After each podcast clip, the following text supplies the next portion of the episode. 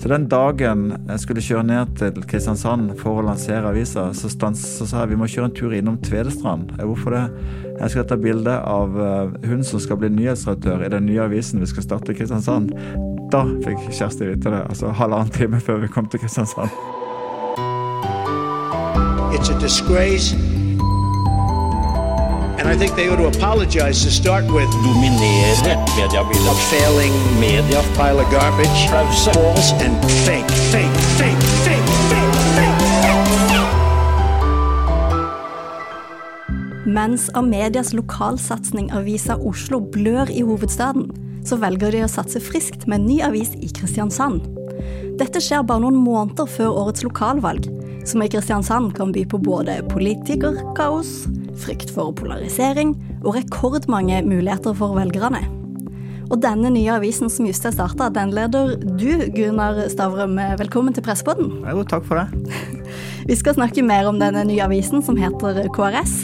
Og vi skal snakke litt om dine tips for å dekke lokalvalg. Men aller først skal vi ha en superkjapp reklamepause. Skal du skrive faglitteratur om journalistikk? Pressens faglitteraturfond har søknadsfrist 1.9. Les mer om stipendet på ij.no. Gunnar Stavrum, de fleste kjenner deg kanskje som sjefredaktør i Nettavisen, men nå har du permisjon derfra for å ha starta en avis som heter KRS. Dere starta 1.8, og hvordan har responsen vært så langt? Det er utrolig gøy å starte avis, fordi at eh, du, du, blir så populær. Uh, og jeg pleier å si at det er ingenting som er så populært som en avis som ennå ikke har starta. Og så er det ingenting som blir fort upopulært som en avis som har starta. Men det har vært en begeistringsbølge i sommer mens jeg forbereder avisen, og det har vært veldig positiv mottakelse de første ukene. Så det har ikke vært den der upopulære biten ennå? Det har ikke det. Eh, og vi er jo selvfølgelig mest opptatt av hvor mange betalende abonnenter vi rekrutterer. Og vi, vi runder 4000 abonnenter i, midt i forrige uke, så på to uker er ikke det så gærent. Ja, Det er det der én eh, måned for en krone-kampanjen? Ja, eh, men så vet vi jo av media at eh, de aller fleste som tegner seg på sånt, faktisk blir med videre. Så det er klart det er en usikkerhet i det, men, men det, er veldig oppmuntrende at så mange har, har, meldt seg. Og så ser vi også hvor mange av de som faktisk bruker avisen hver dag, og det, det gir oss en ganske god magefølelse på at dette går veldig bra. Vi skal snakke enda mer om eh, økonomiske bilder dere beveger dere ut i. Men for å ta det litt tilbake til, for det var rett før sommeren dere lanserte at dere skulle starte den avisen. Og så var det 1. august som var liksom startskuddet. Men hvorfor uh, trenger man egentlig en avis uh, til i Kristiansand? Altså, jeg mener jo at alle steder trenger mer enn ett redaktørstyrt medium. Og Kristiansand er jo blitt en storby med nesten 120 000 innbyggere, eh, med bare én monopolavis som er redaktørstyrt. Og um, jeg tenker at selv om vi og Finlandsvennen følger det samme etiske regelverket, altså vi, vi, sjekker om tips vi får holder vann, om fakta er fakta, og vi bedriver kontradiksjon, folk får lov til å komme med sin versjon. Selv om vi følger det samme regelverket og vi beskriver den samme virkeligheten, så har vi veldig ulike perspektiver. Og det tror jeg er superpositivt for leserne. Eh, og så er det veldig positivt for alle som på en måte har en mening eller en interesse eller eh, en steik i Kristiansand. At hvis den ene avisen ikke vil skrive om noe eller ikke ta imot et tips, så kan de gå til den andre avisen. Og det, det er det som er det supre med mediemangfold og konkurranse, at det blir faktisk flere syn kommer til syne.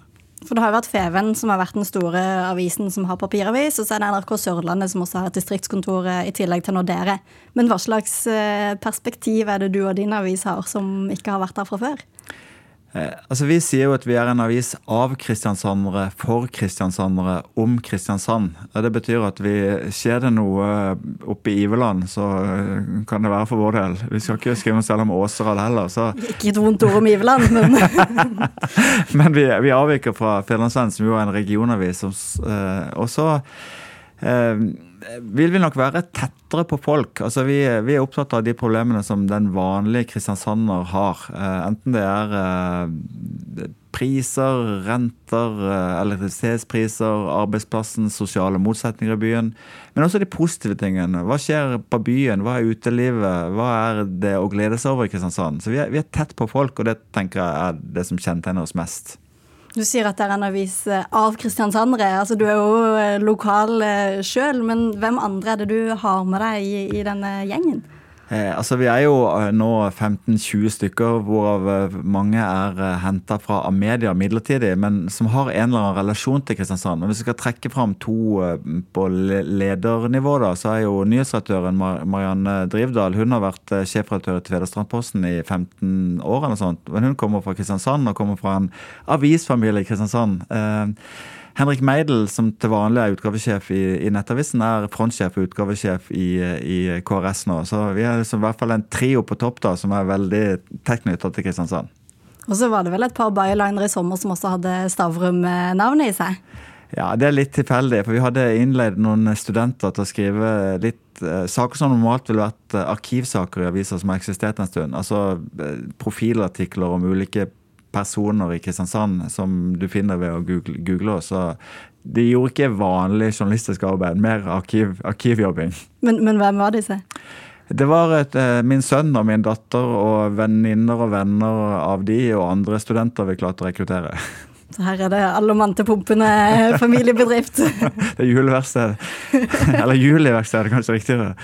Men du sier det var mye, det var mye arkivsaker eh, de lagde. Men hva slags eh, saker og tematikker er det som er viktig for eh, KrS? Altså, Vi begynte jo ikke tilfeldig 1.8.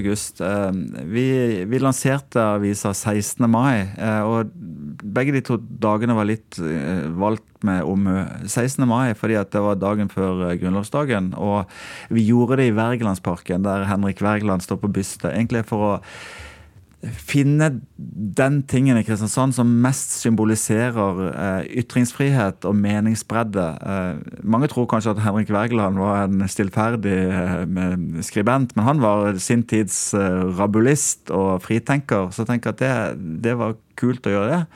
Og så startet vi 1.8 av to grunner. Det ene var at vi har jo rettighetene til å vise Start live. Det, er jo, det har ikke Fædrelandsvennen, det er et viktig konkurransepar. Ja, media har det. Og media har det. Så det er jo et viktig parameter for KrS at det kan vi gjøre, det kan ikke Fædrelandsvennen gjøre. Og de, de, rettighetene på en måte bruker vi jo opp hver helg hvor det er en startkamp. Eh, så jo før, jo bedre. Det andre var at vi ønska å komme ut i god tid før valget, fordi at vi hadde lyst til å påvirke valgkampen i år i retning av Eh, redaktørstyrte medier og bort fra eh, konspirasjonsteorier på sosiale medier som fikk prege det forrige valget altfor mye.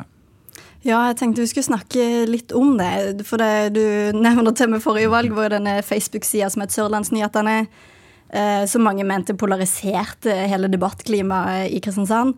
Før valget nå så er det vel rekordmange parti som stiller til valg.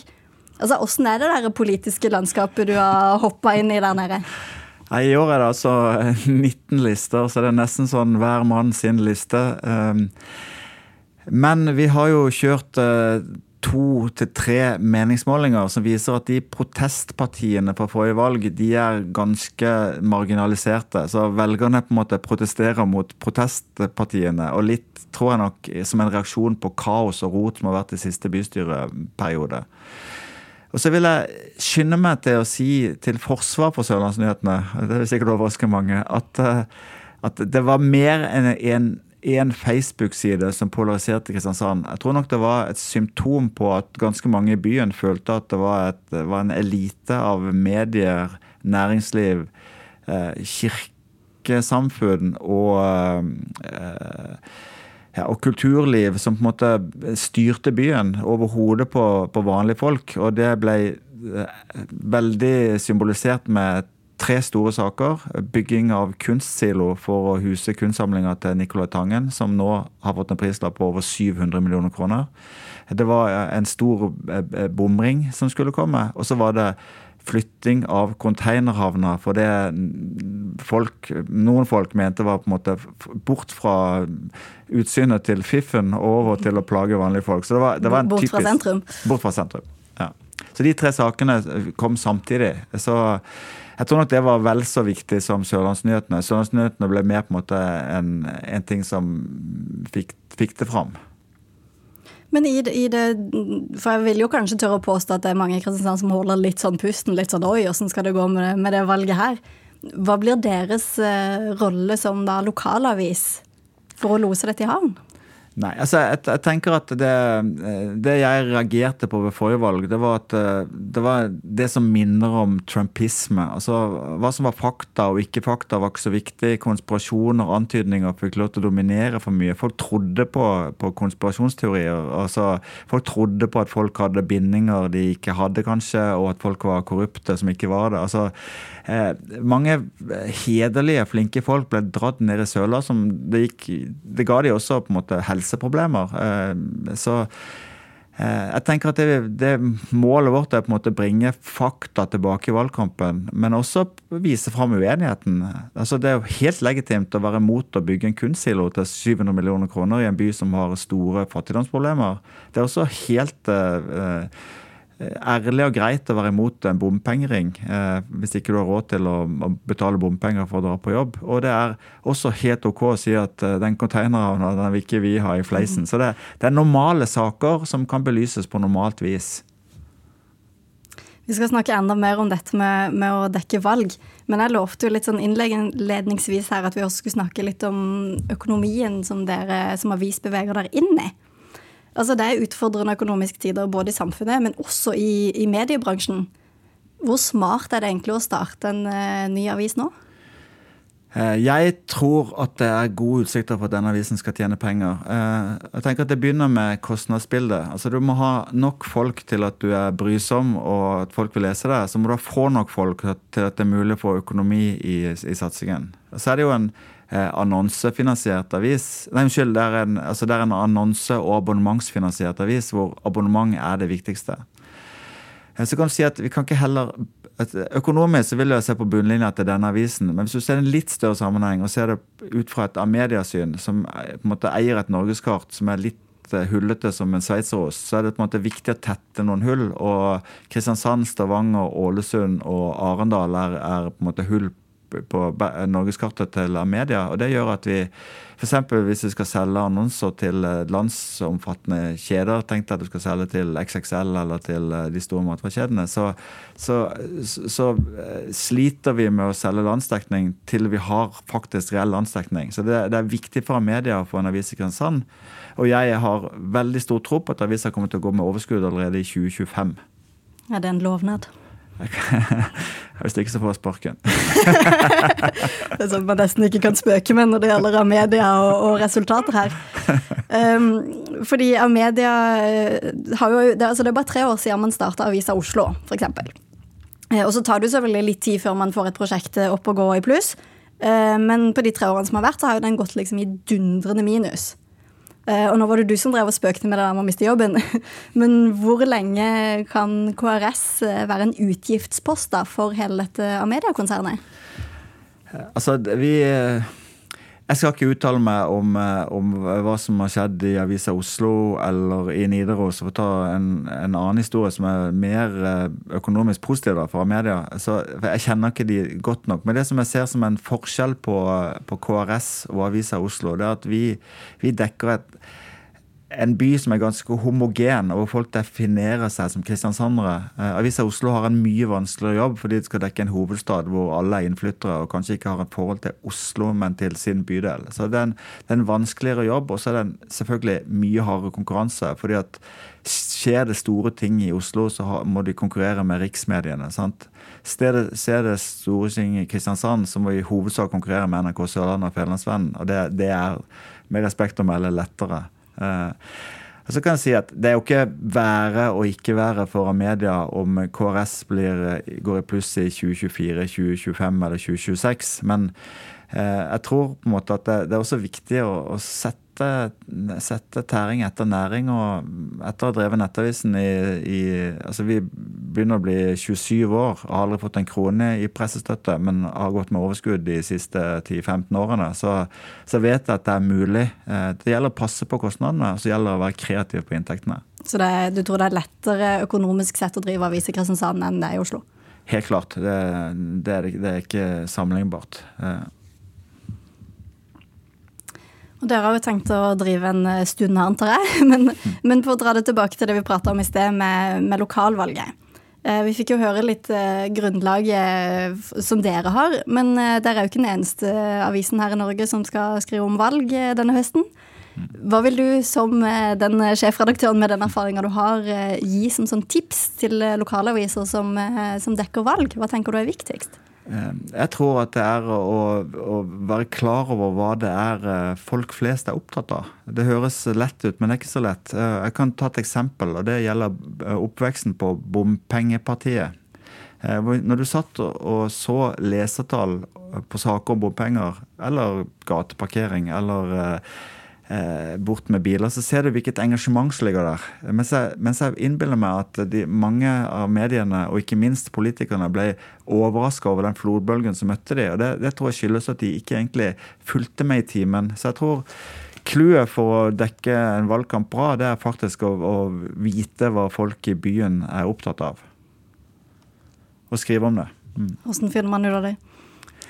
Nei, altså Det er jo selvfølgelig å, å du begynner med å se også hva politikerne er opptatt av, og så dekker du ulike områder, og så ser du hva det er som gir eh, engasjement. Eh, og Så følger du med på, på sosiale medier, du snakker med folk. Du, du har fingra litt på pulsen. Det tror jeg er viktig. Sånn at du ikke på en måte graver deg ned i kommunale papirer og statistikk eh, og på en måte ikke kommer ut igjen og gjør det folkelig.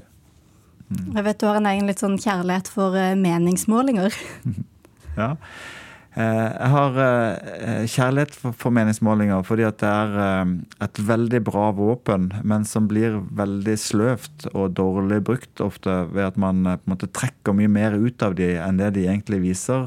Og jeg har vært opptatt av, av den dekninga som har gått på at man, man beskriver endringer som egentlig er, er, ikke signifikante. Altså Man beskriver hvordan Høyre går fram 0,4% som er det rene tøv. Altså Mye dekning av meningsmålinger er bare tull, fordi at man ikke eh, har faglig, faglig, nok dyktighet til å dekke det. Men at meningsmålinger er bra, det, det mener jeg. Hva slags eh, faglig dyktighet er det man trenger?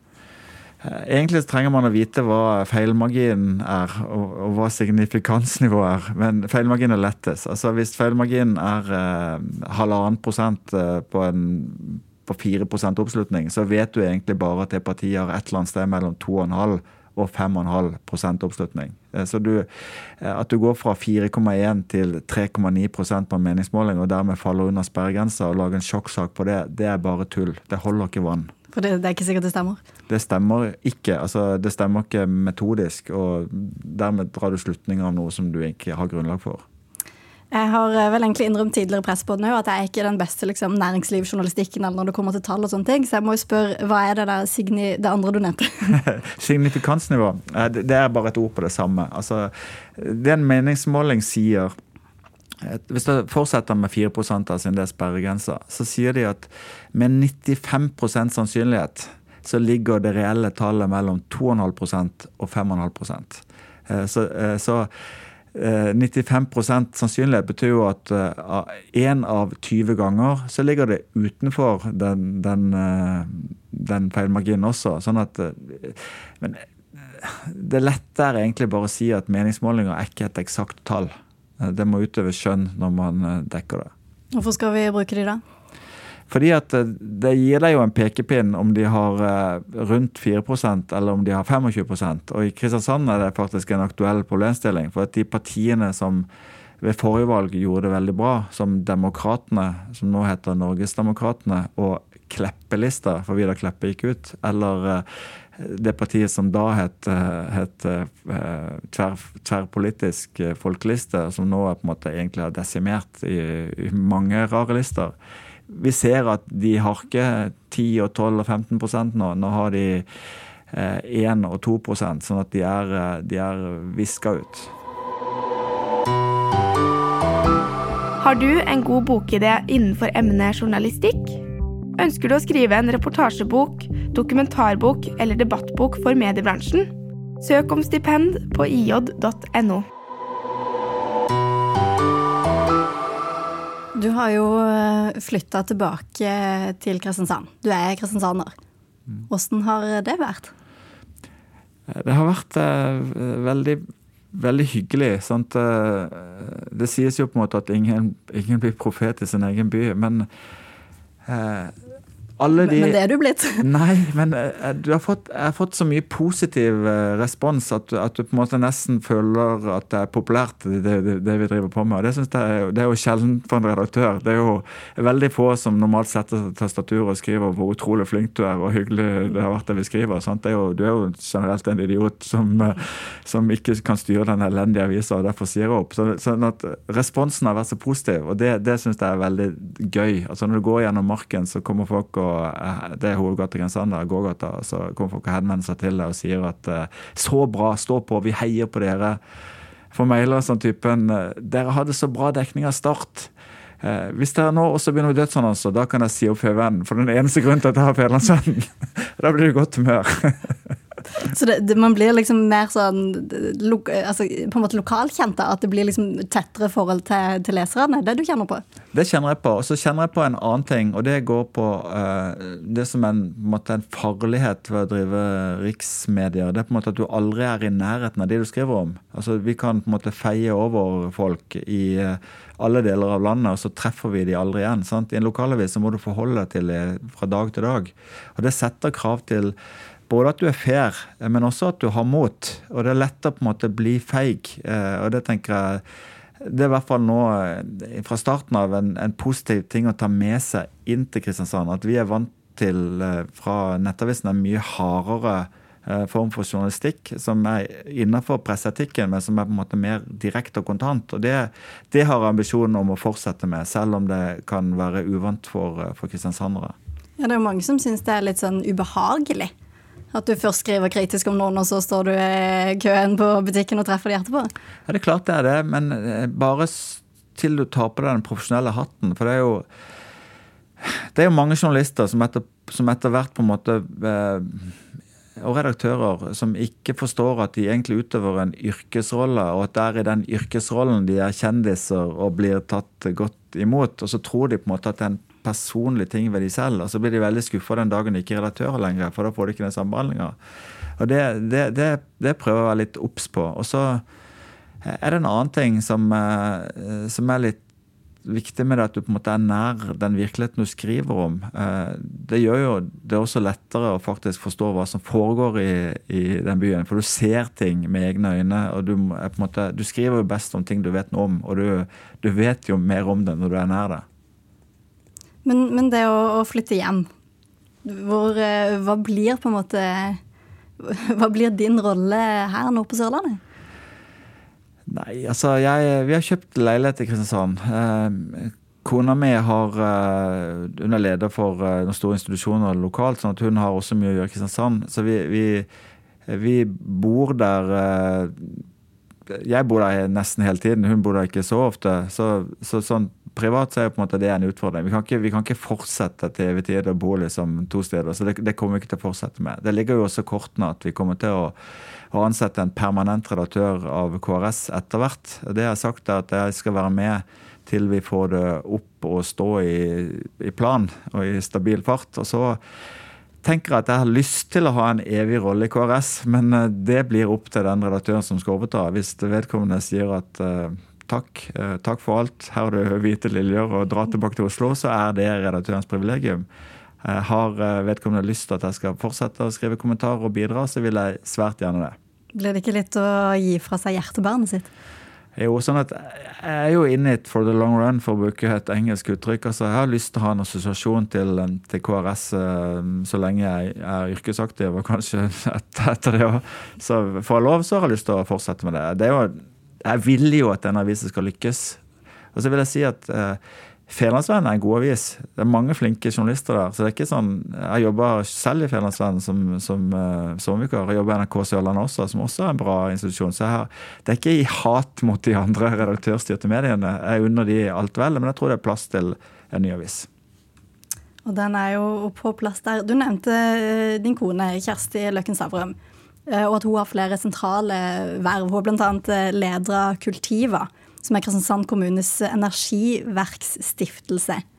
Hvordan håndterer dere den balansen med at du er redaktør i en avis, og at hun har eh, sånne posisjoner i, i samme kommune?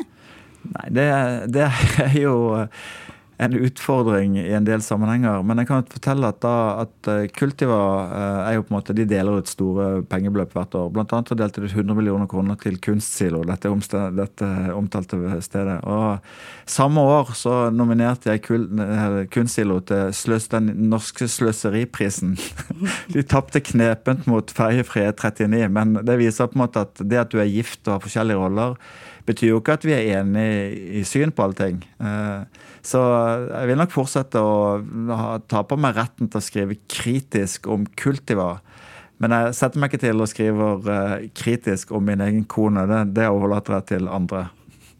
Hvordan er det ved frokostbordet da, hvis du har levert en, eh, en sak om det? Altså, hun har jo vært eh, min konkurrent i mange år som Aftenposten-redaktør og, og, i Skipsted, så jeg pleier å si at hun representerer det onde imperiet. sånn at det, det, er ikke nytt for oss at vi, at vi har uenighet rundt, rundt, kjøkkenbordet. Det tror jeg vi egentlig begge syns er, er, bare gøy. Hva synes hun om eh, Du kaller henne det onde imperiet. Hva, hva, mener hun at du og media er da? Jeg kan fortelle én ting. da, det var at når vi, plasser, når vi lagde KRS, så måtte jeg jo gjøre det uten å flagge det hjemme. Så, så, det var hemmelig? Hemmelig, ja. Så jeg sa til Kjersti at, eh, at, jeg driver på med noe som eh, kan ha konsekvenser for jobben din.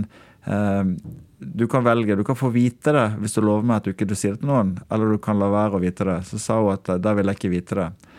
Så den dagen jeg skulle kjøre ned til Kristiansand for å lansere avisa, så, stans, så sa jeg vi må kjøre en tur innom Tvedestrand. Hvorfor det? Jeg skal ta bilde av hun som skal bli nyhetsredaktør i den nye avisen vi skal starte i Kristiansand. Da fikk Kjersti vite det. Altså halvannen time før vi kom til Kristiansand. Og, og det her var eh, altså, en beslutning som påvirker hvor du skal bo, og hvor dere skal bo, og det fikk hun vite liksom rett før eh...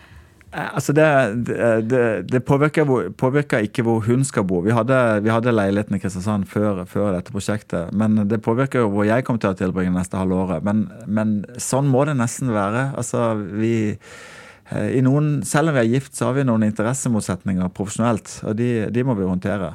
Men, jeg, men jeg, når jeg sier det, så, så, forventer jeg jo ikke at folk ville si at jeg har integritet nok til å skrive, til å omtale min egen kone i en analytisk artikkel. Sånn det er klart at noen ting kan jeg ikke skrive om. Eh, det må andre gjøre.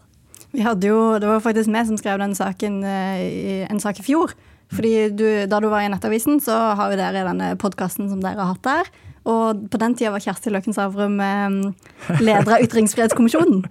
Så samme dag som den ble lagt fram, så satt jo hun plutselig i studioet ditt, eh, og så prata dere. Og da husker jeg sendte deg liksom SMS med ja, hvilke vurderinger tok dere her, og det, jo, det, var ganske morsomt. Det var jo det var helt klart at vi gjorde jo noen uh, vurderinger fram og tilbake rundt det. Men det er jo En podkast blir jo på en måte mer Eh, altså Det blir på en måte mer sånn at hun kom fram med det hun mente og sier ut i Ytringsfrihetskommisjonen. Så, så det, det, skal ikke bli en vane, men eh, jeg syns det, det, gikk. Det var greit nok. Det var, om det var klokt allerede, kan vi diskutere. Så hun i podkasten og ungene i KRS i sommer, er det liksom familieimperiet du bygger her? Nei, det var ikke det. Men, uh, men, det er klart at når du Hvis vi skal snakke litt seriøst på det, så, så det, når du skal starte en ny avis, så, så kan du ikke eh, ansette liksom 30 personer med en gang og ha lønnsutgifter som bare ryker av gårde. Det, det er dumt økonomisk. Så Derfor har vi på en måte det er blitt et sånt juleverksted også med Amedia-bidrag. Vi har spurt alle avisene i Amedia liksom, har dere en eller flere journalister å avse som har en tilknytning til Kristiansand. Så jeg har på en måte rista juletreet og tatt de, de konglene som, som, falt ned, og, og, og, sånn sett gjort starten billigere. Og det, det tror jeg så Det er der liksom de, de, studentene som har bidratt også, egentlig hører med. Det, det er en måte å få en billig start. Det er jo en del av de som er der nå som er type utviklingsredaktør eller jobber med andre prosjekter i media, som nå er step up som eh, journalist. Eller tilbake til røttene, kanskje. Det er det. Og så tenker jeg det er litt sånn gøy. Eh, det er ikke bare meg som, som kjenner på det, men også de liksom Det er veldig sånn tilbake til grunnen til at vi ble journalister. Altså sånn Min hverdag som sjefredaktør og administrerende direktør i, i, Nettavisen er jo på en måte at jeg skriver kommentarer, og for øvrig så er jeg direktør sant, som er opptatt av bunnlinje. Eh, her kan jeg faktisk være journalist på heltid eh, og skrive kommentarer og, og gjøre vanlige intervjuer. og det er liksom så det er jo et helt fantastisk yrke. Vi kan jo ringe til hvem som helst og spørre dem om hva som helst. Hvem er det som kan det og få penger for det? Det er jo det er så deilig å kjenne på den følelsen, og det tror jeg de andre også kjenner på. Hvor lenge har du tenkt å holde på den før du gir eh, slipp og flytter tilbake til Oslo?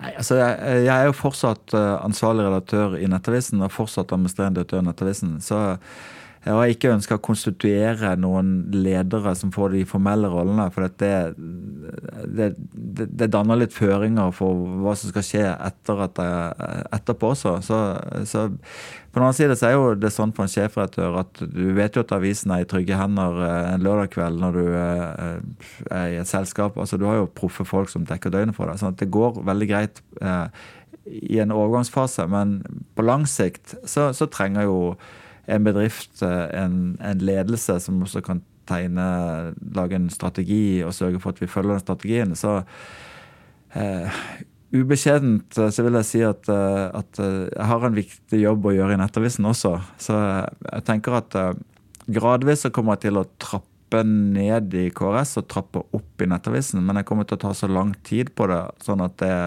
ikke gjør at, at, at KRS ikke er stabil når jeg gir meg. Hvordan mm. har balansen vært på å holde på å huske på de i Nettavisen i Oslo? Nei, nå skal vi være helt ærlig, De siste månedene så har det vært 99 eh, KRS og 1% Nettavisen. Så der er min dårlige samvittighet eh, akkurat nå. Vi skal begynne å runde av her eh, i, i Pressepodden. Men for å se litt sånn uh, framover, da. For jeg har sammenligna der mye med Avisa Oslo, og de liksom fyller snart tre år og sånne ting. Uh, men avisen KRS hvor er de om, eh, om tre år?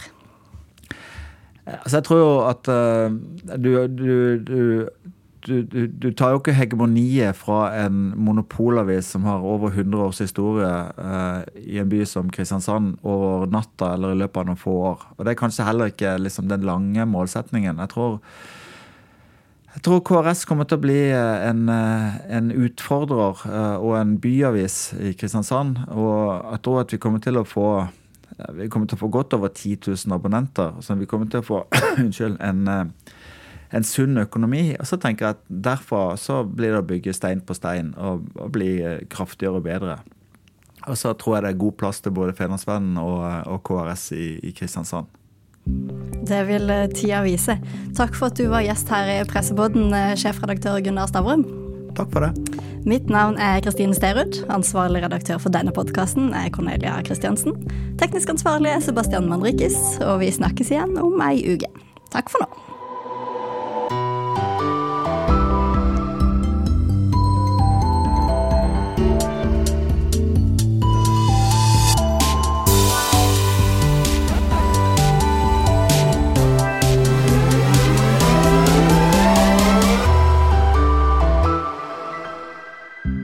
Skal du skrive faglitteratur om journalistikk? Pressens faglitteraturfond har søknadsfrist 1.9. Les mer om stipendet på ij.no.